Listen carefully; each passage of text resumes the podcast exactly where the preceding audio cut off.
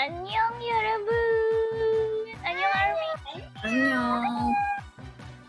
Mbak ya. bermunculan.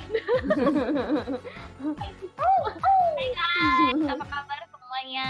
Sehat ya guys? Alhamdulillah baik. Alhamdulillah. Sehat. Kembali lagi kita di Bulletproof Talk Series.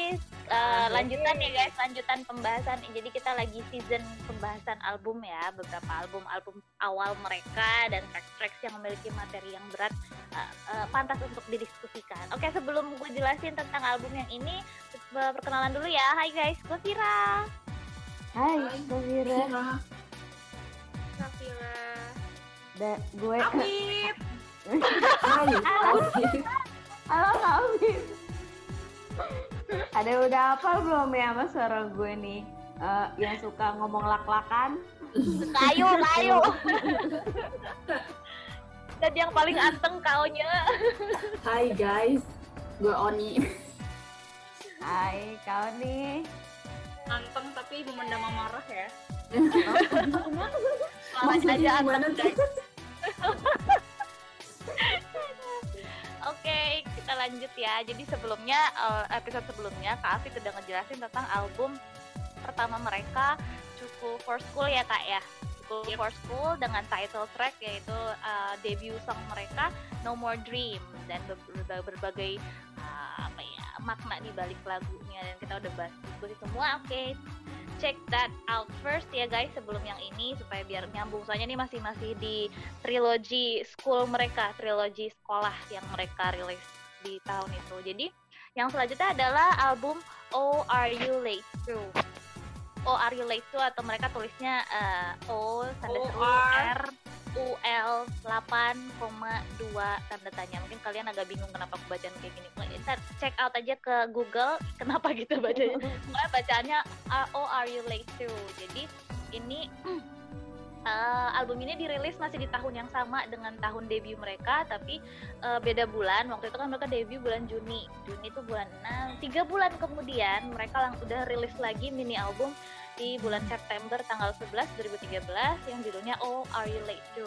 Oh Are You Late To ini salah satu uh, memiliki title track yang judulnya NO atau juga dikenal dengan singkatan dari No Offense No Offense ini kemudian juga mereka promosi lagunya. Biasanya kan mereka tiap comeback selalu promosi dua lagu yang satu title track yang satu side tracknya.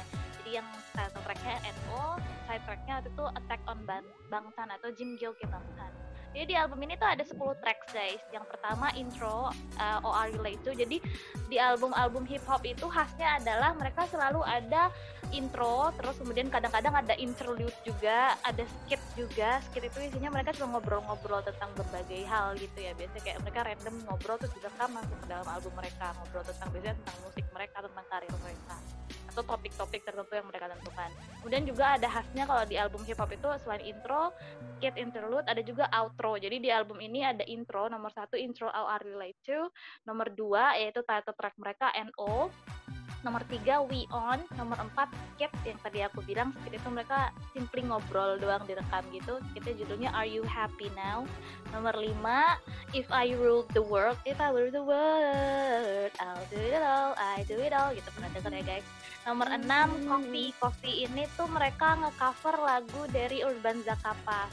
Kayak Baby Baby Caramel Macchiato ini salah satu lagu lagu love, love song mereka yang aku suka banget. Jadi aslinya kalau di Urban Zakapa tuh full nyanyi doang kan. Kalau mereka mereka nge-remake dengan ada verse verse rapnya juga. Jadi kayak lebih wuh, gitu lebih banyak lebih padat lagunya. Nomor 7 track nomor 7 BTS Cypher Part 1 jadi ini pertama kalinya mereka buat Cypher. Cypher itu adalah eh, lagu atau track yang biasanya artis-artis hip hop tuh buat untuk ngediss ngediss haters mereka gitu. Jadi di zaman zaman ini emang BTS lagi dihujat-hujat banget ya karena dibilangnya kayak apaan tuh musik kalian hip hop kayak kalian ngerasa eh, musik kalian tuh hip hop tuh di, dihujat-hujat banget. Entah itu mukanya lah style mereka lah musiknya dianggap bukan hip hop lah dan lain sebagainya. Dan mereka ngebales ini di dengan membuat verse Cypher Part 1 ini. Yang kemudian nanti ada Part 2, Part 3, Part 4 ya. Part 4 tuh di album Wings ya kalau nggak salah. Di Wings album Wings. Jadi sampai mereka bikin empat verse khusus untuk haters. Itu isinya sangat sangat eksplisit kalau kalian nggak kuat. Tapi itu seru kok guys.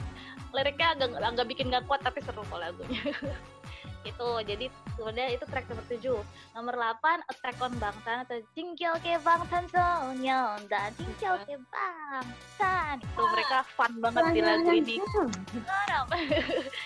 Koreografinya juga seru banget di situ. Terus track ke 9 Pardo Gangsan. Pardo Gangsan ini uh, apa namanya track tentang mereka bicara uh, tiga oh bukan tiga. Tentang Satori ya kak saturi saturi rap. Jadi saturi itu adalah dialek maksudnya jadi Korea tuh sama sama seperti Indonesia mereka juga punya dialek gitu. Jadi kalau kita ada dialek Jawa dialek Sunda dan macam-macam mereka juga ada saturi yang dari uh, Jolado province dari dari provinsi yang lain juga beda-beda gitu. Di lagu ini mereka nge-rap tentang uh, apa ya kebanggaan dialek kebanggaan mereka masing-masing. Karena kan BTS member semuanya berasal dari kota-kota di luar Seoul. Jadi mereka selalu membanggakan daerah mereka gitu. Kalau Gangsan nih isinya mainly uh, tiga rapper BTS uh, eh, Suga, RM mana sama sama J-Hope. Nah, verse-nya di sini bicara tentang satu rap mereka. Terus hook-nya uh, vokalis yang track nomor 10 outro love in cool gitu. Jadi nah di episode ini yang bakal aku angkat adalah title track mereka yaitu NO kenapa aku pengen angkat ini? Karena banyak banget bicara tentang uh, education system masih sama kayak lagu No More Dream. Cuma di sini kayak mereka mengekspresikannya dengan hal yang beda lagi. Kalau No More Dream kan mereka lebih menitik beratkan pada kayak ayo bermimpi kayak masa lo nggak bisa bermimpi aja lo nggak bisa gitu gitu kan ngebakar itu. Tapi kalau di NO mereka mengkritisi sistem pendidikan di Korea yang begitu kaku dan begitu penuh dengan pressure dan tekanan dari mana-mana. Jadi kita bicara dulu dari MV-nya ya, dari music videonya. Uh, lagu ini tuh mereka awalnya dimulai dari setting mereka duduk di kelas gitu kayak settingnya tuh kayak di suasana kelas muka mereka tanpa ekspresi uh, di mana mereka uh, bertujuh ini dikasih kapsul berwarna merah yang mereka telan. Habis itu mereka tiba-tiba gerak seperti robot yang benar-benar geraknya seragam semua. Terus muncul uh, rumus-rumus perhitungan matematika di meja putih mereka. Terus tapi ternyata setelah mereka uh, terus kayak di tengah uh, mereka kayak seolah lagi ngerjain surat uh, perhitungan matematika itu tiba-tiba mereka mulai kayak uh, uh, bertindak di luar di luar uh, suruhan gurunya ini gitu. Tiba-tiba mereka kayak uh, si gurunya ini sadar bahwa mereka kapsul ini nggak berpengaruh ke mereka dan akhirnya mereka berontak nyerang guru dan penjaga-penjaga yang ada di kanan kiri mereka gitu. Kayak mereka berontak atas pendidikan itu Nah, di adegan dalam music video ini mereka menggambarkan betapa kerasnya lingkungan mereka dalam hal edukasi. Seperti yang kita tahu ya guys, di Korea itu sistem belajar mengajarnya sangat-sangat ketat. Bahkan kalau mereka udah di kelas uh, kelas terutama kelas-kelas uh, akhir gitu ya senior kelas kayak kita tiga SMA-nya gitu lah ya yang mau ikut ujian nasional mereka tuh diwajibkan untuk ngikutin kelas belajar mandiri di sekolahnya sampai malam banget. Jadi itu wajib. Jadi salah satu teori yang menggambarkan bahwa kapsul yang mereka minum itu uh, salah satu teori yang ngangkat ngangkat tentang NO ini mereka bilang bahwa kapsul merah itu adalah menggambarkan keinginan orang tua mereka yang menguasai bahkan mendominasi keinginan pribadi si siswa-siswa ini. Dan bahkan ketika mereka seseorang dari salah satu dari siswa ini waktu itu Jongkook ya yang pertama mulai ngelawan di MV-nya itu berusaha untuk keluar dari sistem ini society masyarakat dalam hal ini para polisi anti huru hara yang dari sebelah gurunya ini kembali menguasai dan berusaha untuk menekan pergerakan mereka gitu. Nah, uh, ini for your information di Seoul khususnya seseorang tuh dianggap sukses jika berhasil masuk ke universitas terbaik lulus dengan nilai-nilai tertinggi, kerja di bidang yang diakui oleh masyarakat seperti dokter, pengacara, pegawai negeri, terus memperoleh banyak uang dari pekerjaan tersebut baru bisa dianggap bahwa lo sukses gitu dalam hidup ini gitu. Nah di MV ini BTS menunjukkan bahwa mereka berhasil mendobrak ekspektasi masyarakat dan debut sebagai musisi untuk berkarir di bidang musik yang mereka damba-dambakan kayak yang scene mereka habis keluar dari kelas itu inget gak guys yang scene mereka turun tangga terus kanan kirinya ada yeah. cewek-cewek main musik itu mas main viola dan lain sebagainya.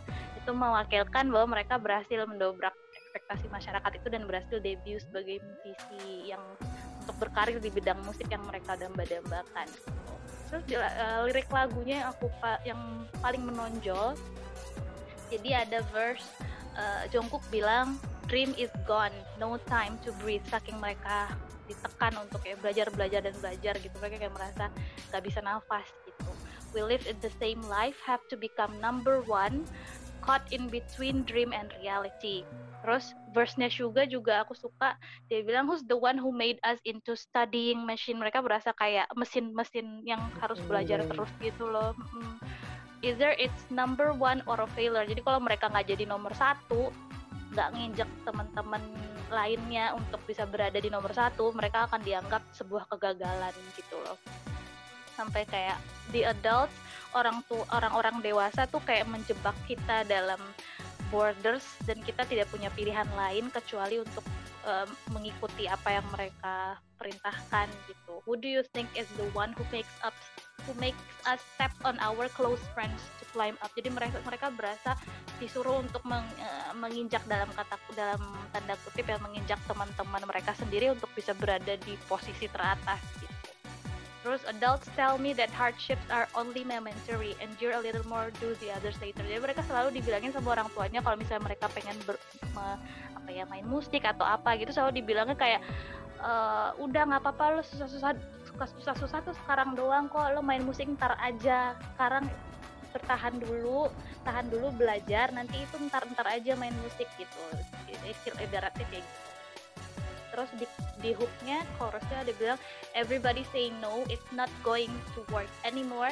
Don't be captured in others dreams kayak ini yang aku suka juga sih jangan pernah terjebak di impian orang lain gitu loh. Jadi kalau itu emang bukan impian lo ya jangan jadi kayak ngikut-ngikutin impian orang lain gitu. Kayak eh, itu uh, apa ya kejar oh, mimpi iya, lo sendiri gitu, gitulah intinya terus oh ini juga RM juga powerful banget verse-nya. Dia bilang they say I'm on my way to happiness. Mereka bilang gue ini menuju kesuksesan kok menuju kebahagiaan. Tapi kalau gue nggak happy how do you explain that gitu loh? Kayak semua orang bilangnya ini enggak kok bentar lagi lo happy lo happy. Tapi gue nggak happy gitu. Kayak lo bisa ngejelasin kenapa gue gak happy gitu intinya kayak gitu. Outside there are so many kids like me living the life of a puppet. Mereka berasa kayak boneka-boneka yang dikontrol oleh society dan uh, terus dia bilang who will take responsibility? Siapa yang bertanggung jawab? Terus ada satu lagi bagian yang uh, menarik banget. Install to the sky will parents really be happy? Lirik ini menarik karena sky di sini artinya ganda. Sky yang bisa secara literally berarti langit atau sky SKY yang singkatan dari Seoul University Korea University dan Yonsei University tiga universitas top paling bergengsi di Korea Selatan mereka tuh orang Korea dianggap kalau mereka udah lulus dari salah satu tiga universitas ini mereka dibilang udah kayak halfway to success gitu loh jadi kayak udah ke depannya tuh udah kayak terbuka semua ke jalan kesuksesan gitu ibaratnya kayak gitu tapi tentunya oh. untuk men? Nah, kalau di Indonesia juga ada kan yang beberapa kampus-kampus oh, kayak kayaknya gitu ya hmm, yes, betul gitu tapi tentunya untuk bisa me, apa ya bisa lolos masuk ke Sky ini kan pastinya nggak mudah. Di sini aja susah apalagi di sana yang segitu apa ya. Uh, Sky ini masuk dalam ranking universitas terbaik dunia tuh cukup tinggi gitu loh posisinya untuk masuknya tuh sangat-sangat penuh pressure selain sekolah seperti anak-anak pada biasanya orang tua di sana tuh kebanyakan mereka rela mengeluarkan uang lagi sebanyak 16% gaji mereka untuk pendidikan informal anaknya kayak masukin ke kelas privat gitu atau bahasa Korea tuh hakwan hakwan. Nah di tahun 2010 jadi tidak uh, tiga tahun sebelum mereka debut merilis lagu ini ada data yang menunjukkan bahwa 74% siswa sekolah itu pasti ikut serta dalam program hakwan ini. Itu saking kayak semuanya tuh kayak obses untuk bisa masuk ke Sky. Jadi mereka habis sekolah terus ikut hakwan kelas privat terus pulang ke rumah lanjut belajar lagi gitu kayak bener-bener kayak 24 jam tuh isinya cuma tidur dan belajar gitu loh terus saking kayak penting banget uang dan pencapaian dalam pendidikan di Korea Selatan sampai-sampai siswa-siswa yang nggak berhasil di tes-tes ini bisa menganggap dirinya udah jadi anak yang gagal di mata orang tua mereka. Bahkan ketika udah musim ujian akhir nasional udah jadi hal yang biasa di sana untuk dengar berita siswa bunuh diri akibat gagal di ujian nasionalnya. Karena saking besarnya beban yang jatuh di pundak mereka gitu di usia segitu mereka udah depressionnya sangat-sangat besar banget ya? berat banget. Hmm, kasihan kan terus di lagu NO dan nomor Dream ini yang dibahas sama Kafit mereka sangat-sangat menurutku menurutku dan menurut banyak music reviewer juga lagu dua lagu ini tuh perlu banget diapresiasi karena sebagai idol di dunia K-pop hampir nggak ada idol di masa itu yang berani untuk mengangkat topik-topik yang sensitif gitu loh tentang sistem kehidupan di Korea yang udah bertahun-tahun melekat di masyarakat.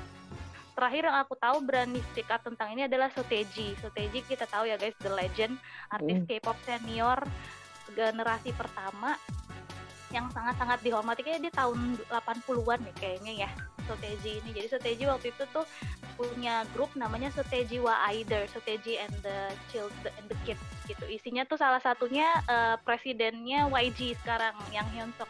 Tapi kayaknya dia udah resign ya. Ya kayaknya dia udah resign itu YG. Jadi si uh, CEO-nya YG ini dulu juga dalam grupnya Soteji ini sebenarnya. Nah, si Soteji ini terkenal dulu kenapa? Karena dia adalah yang pertama kali mendobrak uh, speak up gitu loh, berani speak up tentang banyak banget isu-isu sosial di Korea Selatan termasuk tentang sekolah gitu. Nah, setelah kan tahun 80 ada setelah macam berapa berarti berarti berapa tahun tuh? 20 30 hampir 20. 30 tahun ya, 20 30 tahun berikutnya baru muncul lagi BTS yang berani bersuara tentang hal ini gitu kayak yang kita tahu ya strategi itu sangat-sangat dihormati di Korea Selatan uh, dan dia uh, sampai turut muji-muji BTS karena keberanian mereka untuk bicara hal yang dianggap tabu bagi idol K-pop saat itu gitu. Sampai akhirnya strategi kan uh, ini ya ngundang mereka di konser, konser. Uh, ulang tahun 25 tahunnya Soteji waktu itu satu-satunya dari hmm. idol yang dia undang ke situ dan BTS satu-satunya artis yang diperbolehkan untuk nge-remake lagunya Soteji dia nggak pernah memperbolehkan artis lain untuk nge-remake lagunya kecuali BTS lagu Comeback Home itu ya Comeback guys Home. Jadi Comeback mm -hmm. Home itu di remake sama BTS dan itu kayak sebuah kebanggaan gitu jadi kayak legend me, apa ya me, menyerahkan uh, menyerahkan mahkota legendnya ke BTS Kayak udah feeling, udah feeling juga kali ya Soteji tuh pada saat itu adalah gue meyakini BTS membawakan atau meremake lagu gue karena pasti Soteji pun punya apa kalau kata orang tuh bahasanya kayak feeling tertentu gitu bisa jadi. Naluri. Naluri naluri ya, naluri. karena kan sejak debut dia sudah nge up ya tentang ini. Jadi mungkin dia juga merhatiin kan pasti kayak ini artis mm -hmm. nggak buat melanjutkan apa ya melanjutkan perjalanan gue untuk membela anak muda ya generasi anak muda gitu. Dan di logo NO ini BTS menggambarkan anak-anak muda uh, yang nggak berani bermimpi karena budaya kependidikan di Korea mereka ngajak anak-anak muda dan dia bilang di course everybody say no gitu. It's not going to work anymore gitu. Don't get caught up in other people's dream BTS tuh menyuarakan itu berkali-kali di chorusnya gitu. Untuk berdiri tegak dan berani berkata tidak pada budaya ini dan mengejar mimpi-mimpi mereka. Segitu powerfulnya ya lagu NO ini keren banget lah pokoknya.